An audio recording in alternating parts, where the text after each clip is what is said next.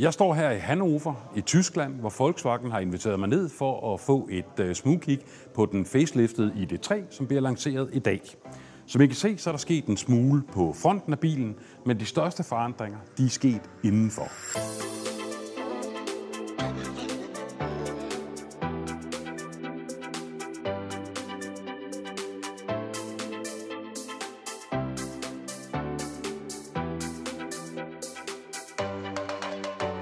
Det føles allerede som mægtig lang tid siden, at Volkswagen præsenterede sin første elbil i det 3.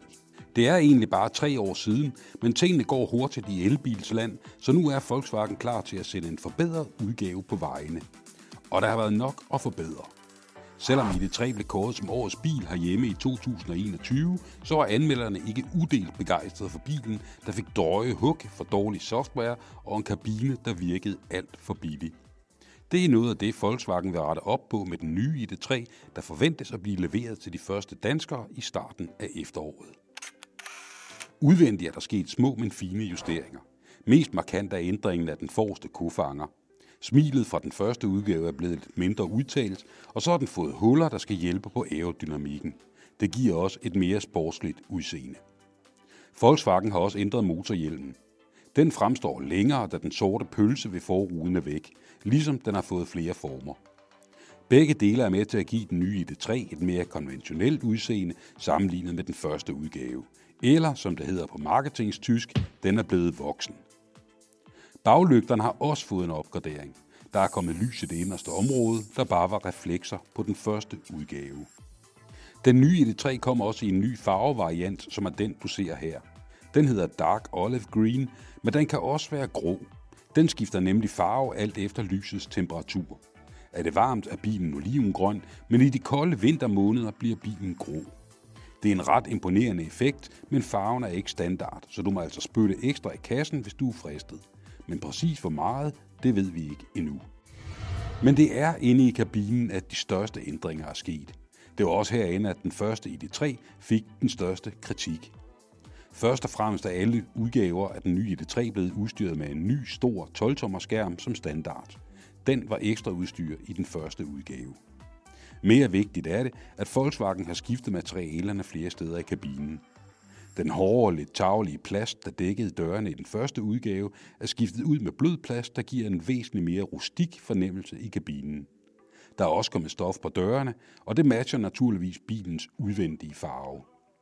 Stoffet og den bløde plast dækker også dashboardet under forruden, ligesom der er kommet fine detaljer i form af syninger. Ventilationsrestene har også skiftet form. Volkswagens marketingsfolk vil gerne have os til at fortælle historien om, at ID3 er blevet voksen, og det er den måske nok, men den er i hvert fald blevet opgraderet til et nyt niveau indvendigt. Bevares, den er stadig smækfyldt med pianolagt, men det lader til, at det primært er os danskere, der har set os onde på den trend. Volkswagens egen software har også været udskilt. Helt rimeligt, for den var bestemt ikke helt gennembagt, da den første ID3 blev sendt på vejene. Jeg har for nylig testet ID Boss, og her kunne jeg konstatere, at Volkswagen efterhånden har fået luet ud i den ustabilitet, der hervede de første versioner af softwaren. Den nye ID3 har naturligvis den seneste softwareversion ombord, og en af de nye ting her er muligheden for at tilkøbe flere funktioner. Det er en trend, der spreder sig. Volkswagen kalder det Functions on Demand, og i shoppen kan man i første omgang tilkøbe adgang til navigation, tozonet klimaanlæg og ambient belysning.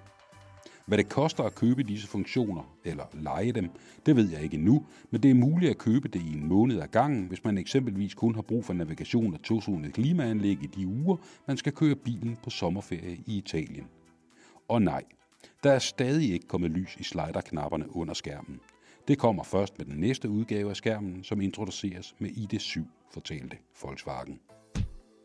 Ligesom den første kommer den nye ID3 med to batterivarianter. 58 kWh med en rækkevidde på op til 426 km, samt 77 kWh med en rækkevidde på op til 546 km. Motorerne er den samme i de to varianter, så den eneste reelle forskel ud over batteriets kapacitet er ladeeffekten. På udgaven med det lille batteri er den på 120 kW, mens den store har en ladeeffekt på 170 kW. I begge tilfælde tager det mellem 30 og 35 minutter at lade batteriet fra 10 til 80 procent. Siden den første ID3 kom på vejene, er der kommet et par enkelte konkurrenter i den såkaldte golfklasse. Udover Cooper Born, der er bygget på den samme platform som ID3, er det MG4 og Renault Megane. Alle tre er det biler, du bør kigge lidt ekstra på, hvis du overvejer den nye ID3. Til sidst er der bare at sige tak, fordi du så med. Hvis du kan lide videoen her, så giv den et like. Og hvis du vil se, hvad vi laver fremover, så abonner på vores kanal.